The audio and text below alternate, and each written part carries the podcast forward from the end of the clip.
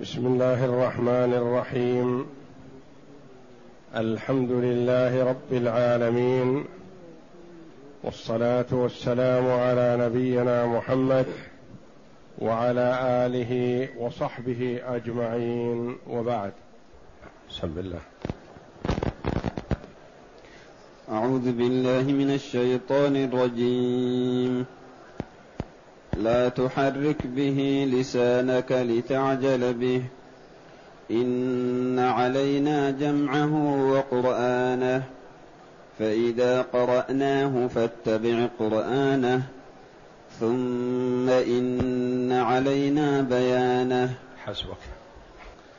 هذه الآيات الكريمة من سورة القيامة جاءت بعد قوله جل وعلا كلا لا وزر إلى ربك يومئذ المستقر. ينبأ الإنسان يومئذ بما قدم وأخر بل الإنسان على نفسه بصيرة ولو ألقى معاذيره. لا تحرك به لسانك لتعجل به. الآيات. لا تحرك به لسانك لتعجل به. كان النبي صلى الله عليه وسلم إذا ألقى عليه جبريل عليه السلام القرآن استعجل بقراءته قبل أن ينتهي جبريل من القراءة. خوفا منه صلى الله عليه وسلم أن يتفلت منه أو أن ينسى منه شيئا. حرصا منه صلى الله عليه وسلم على أخذ القرآن وحفظه حسب ما يلقيه جبريل عليه السلام من ربه تبارك وتعالى. فجبريل عليه السلام يسمع القرآن الوحي الموحى به من ربه تبارك وتعالى فيأتي به إلى محمد صلى الله عليه وسلم وهو يأتيه على حالات. أحيانا يأتيه كأنه أي رجل من رجالات العرب. واحيانا يأتيه بصوت عظيم كصلصلة الجرس. واحيانا يأتيه فيثقل النبي صلى الله عليه وسلم وربما أتاه وهو على الدابة على البعير أو على الحمار فيبرك وما يستطيع حمله. وأحيانا يأتيه وشيء منه من رجله على عائشة رضي الله عنها فتثقل عليها رضي الله عنها وتصبر وهي تخاف أن ترض رجلها التي تحت النبي صلى الله عليه وسلم. والنبي صلى الله عليه وسلم كما قال ابن عباس رضي الله عنهما يجد شدة يعالج من التنزيل شدة. فكان يحرك به لسانه وشفتيه مخافة أن ينفلت منه يريد أن يحفظه. فأنزل الله جل وعلا عليه لا تحرك به لسانك لتعجل به. إن علينا جمعه وقرآنه. فإذا قرأناه فاتبع قرآنه ثم إن علينا بيانه. لا تحرك به لسانك لا تستعجل بقراءته قبل أن ينتهي جبريل. انتظر حتى ينتهي جبريل فتقرأه أنت بقراءة جبريل وحفظه علينا. وتثبيته في صدرك علينا نحن نثبته. ونحن نبينه. فلا تخف.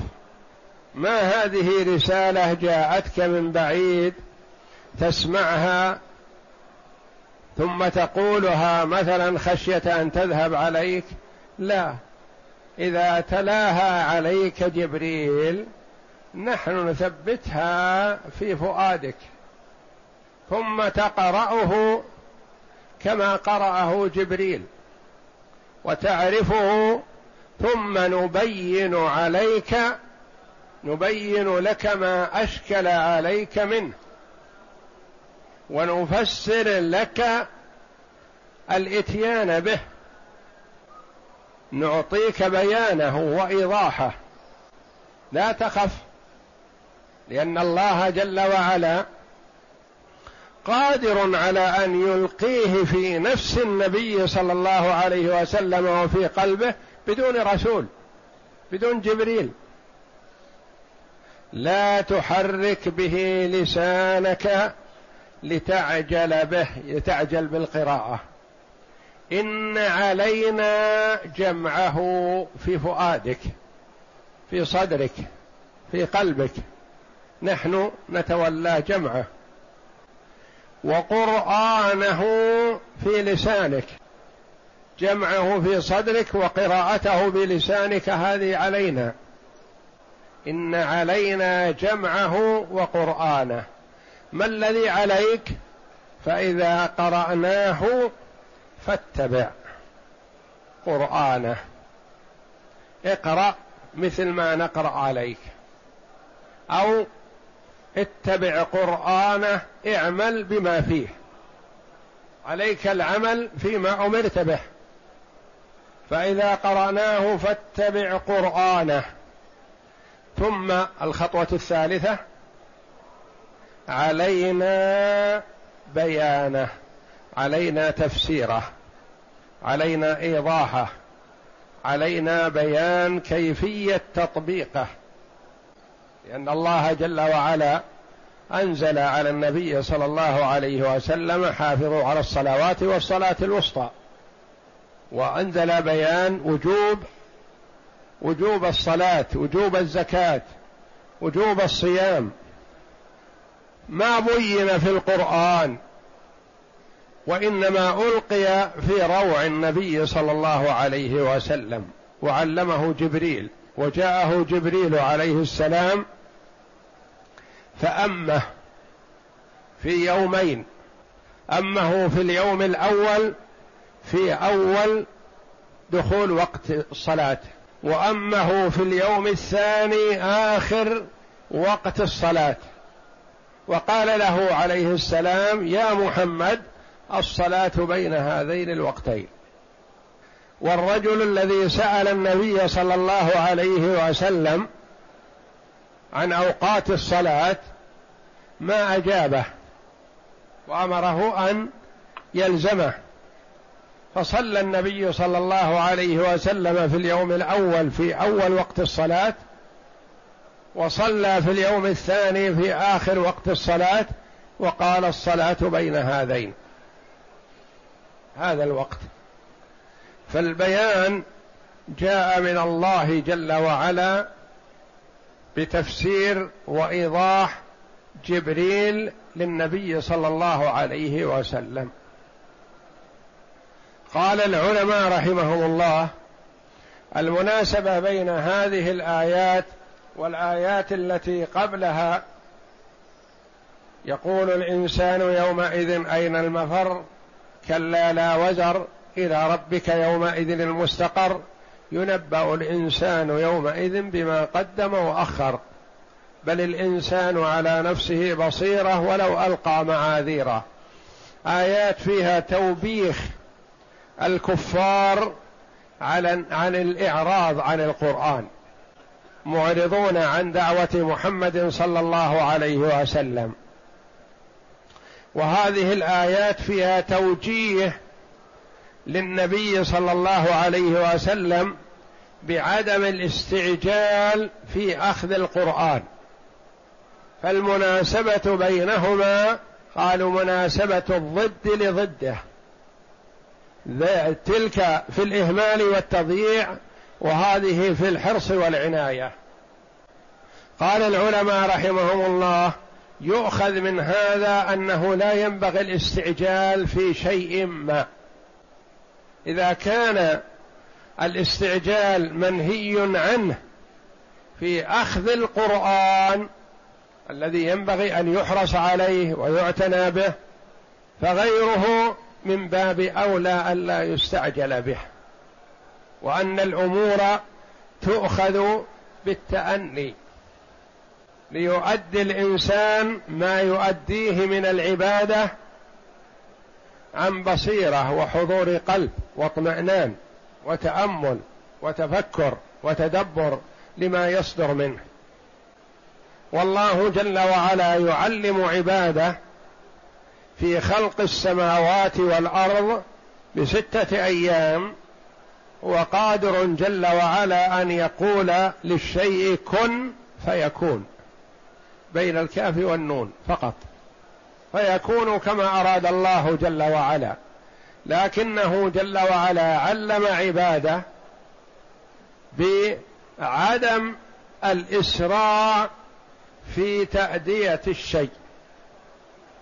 والنبي صلى الله عليه وسلم يقول أما يخشى الذي يرفع رأسه قبل الإمام أن يحول الله رأسه رأس حمار أو صورته صورة حمار هذا الذي يستعجل ربما يكون من الحرص ومن الرغبة ومن المحبة إلى الصلاة. يستعجل فنهي عن هذا. والشيطان يحرص على العبد في أن يدخل عليه الخلل في عبادته من أي طريق. فيأتي إلى الحريص فيحاول أن يستعجله حتى لا يأتي بها صحيحة.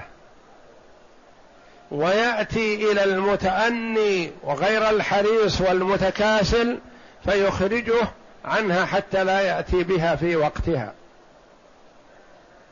والوسطية مطلوبة في جميع الأمور. والله جل وعلا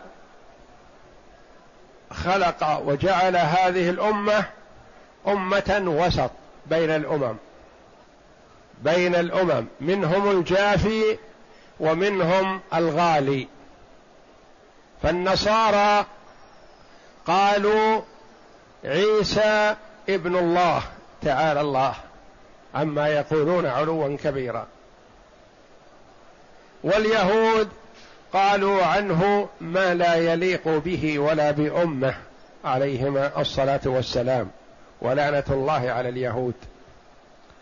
وهذه الأمة تقول عبد الله ورسوله وكلمته ألقاها إلى مريم وروح منه.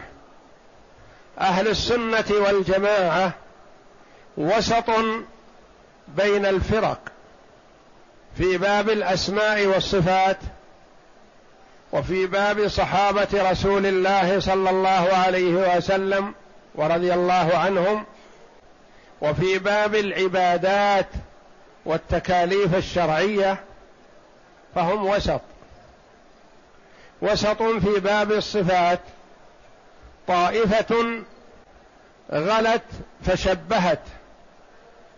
وطائفة تزعم أنها نزهت فعطلت.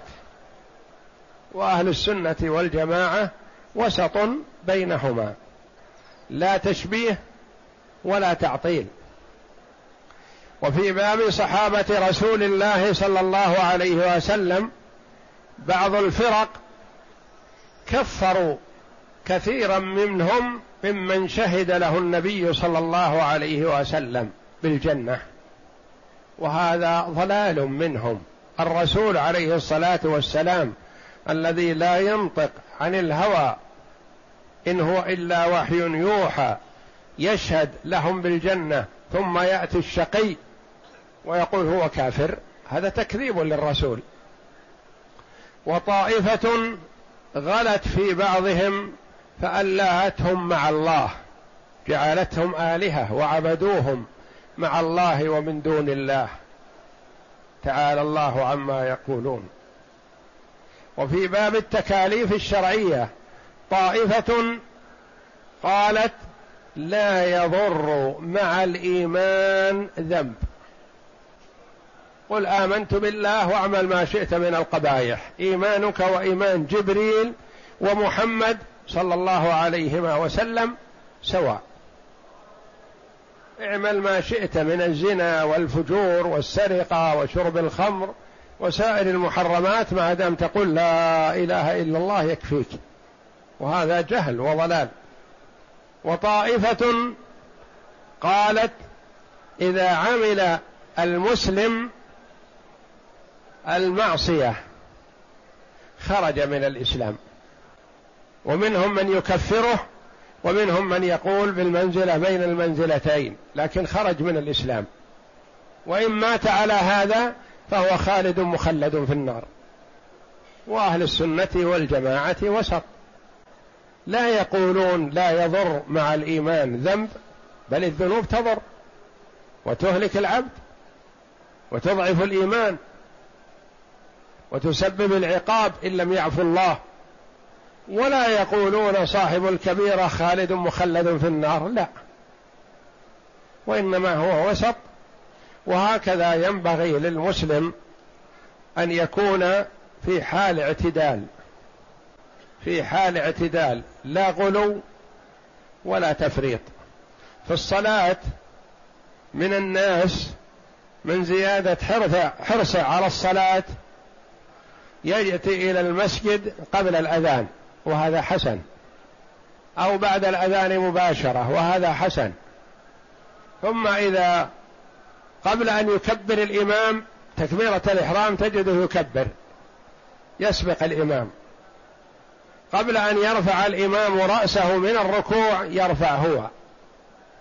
يجعل نفسه كأنه إمام للإمام أو إمام معه مساو له. وكلاهما محرم. ومن الناس من يتثاقل عن الصلاة فإذا دخل الوقت أو قرب الأذان نام ولا يبالي متى يستيقظ في الوقت أو خارج الوقت. متى ما استيقظ وطابت نفسه من النوم قام وصلى في الوقت أو خارج الوقت لا يبالي. وهذا مفرط. وذاك غالي. والوسط بينهما. والله جل وعلا يعلم رسوله صلى الله عليه وسلم وينبهه على أمر عظيم وهو التأني في قراءة القرآن وكذلك ينبغي للأمة. عند قراءة القرآن لا يهدونه هذا يصير يكون الواحد ما يدري ماذا يقول. مهمته أن يقلب الصفحات ويكثر بدل ما يقرأ صفحتين أو ثلاث بتأن وتأمل وتدبر يقرأ عشر لكن ما يدري ما يقول. فالإنسان مطلوب منه التأمل والتدبر وعدم السرعة. قد يحتاج أحيانا إلى السرعة بشرط أن يكون فيه حضور قلب وتأمل وتدبر لما يقول لا بأس. لأنه ورد عن النبي صلى الله عليه وسلم القراءة بالترتيل والتمديد وورد عنه القراءة هذا يهذ هذا لكن بالتدبر والتأمل. وكما تقدم لنا أنه ورد أن عثمان رضي الله عنه قرأ القرآن كله في ركعة واحدة. من بعد صلاة العشاء كبر في الحجر كما قال الراوي. يقول فما رأيته يسجد إلا بسجدات القرآن يعني سجدات التلاوة. حتى أكمل القرآن فركع في آخر الليل. وهو ممن حفظ القرآن كله في حياة النبي صلى الله عليه وسلم ورضي الله عنه. يقول الله جل وعلا لا تحرك به أي بالقرآن لسانك لتعجل به. إن علينا جمعه في صدرك وقرآنه اقرأك إياه قراءة صحيحة. فإذا قرأناه عليك بقراءة جبريل فاتبع قرآنه. اقرأه مثل ما يقرأه جبريل أو اعمل به كما أمرت. فاتبع قرآنه قال بعض المفسرين اقرأه بقراءة جبريل أو اتبع قرآنه يعني اعمل بما أمرت به فيه في القرآن. ثم إن علينا بيانه ثم هذه للترتيب والتراخي يعني نبينه لك فيما بعد. فأخذ من هذا العلماء قالوا هذا دليل على جواز تأخير البيان عن وقت الخطاب. يعني قد يخبر المرء بخبر وي ثم يبين له فيما بعد التفاصيل. فقد أخرج البخاري ومسلم وغيرهما رحمهم الله عن ابن عباس رضي الله عنهما قال كان رسول الله صلى الله عليه وسلم يعالج من التنزيل شدة فكان يحرك به لسانه وشفتيه مخافة أن ينفلت منه يريد أن يحفظه. فأنزل الله تعالى لا تحرك به لسانك لتعجل به إن علينا جمعه وقرآنه. يقول إن علينا أن نجمعه في صدرك ثم نقرأه. فإذا قرأناه يقول إذا أنزلناه عليك فاتبع قرآنه فاستمع له وأنصت. ثم إن علينا بيانه أي نبينه بلسانك. وفي لفظ علينا أن نقرأه. فكان رسول الله صلى الله عليه وسلم بعد ذلك إذا أتاه جبريل أطرق يعني أنصت له. وفي لفظ استمع فإذا ذهب قرأه كما وعده الله. والله أعلم. وصلى الله وسلم وبارك على عبده ورسول نبينا محمد وعلى آله وصحبه أجمعين.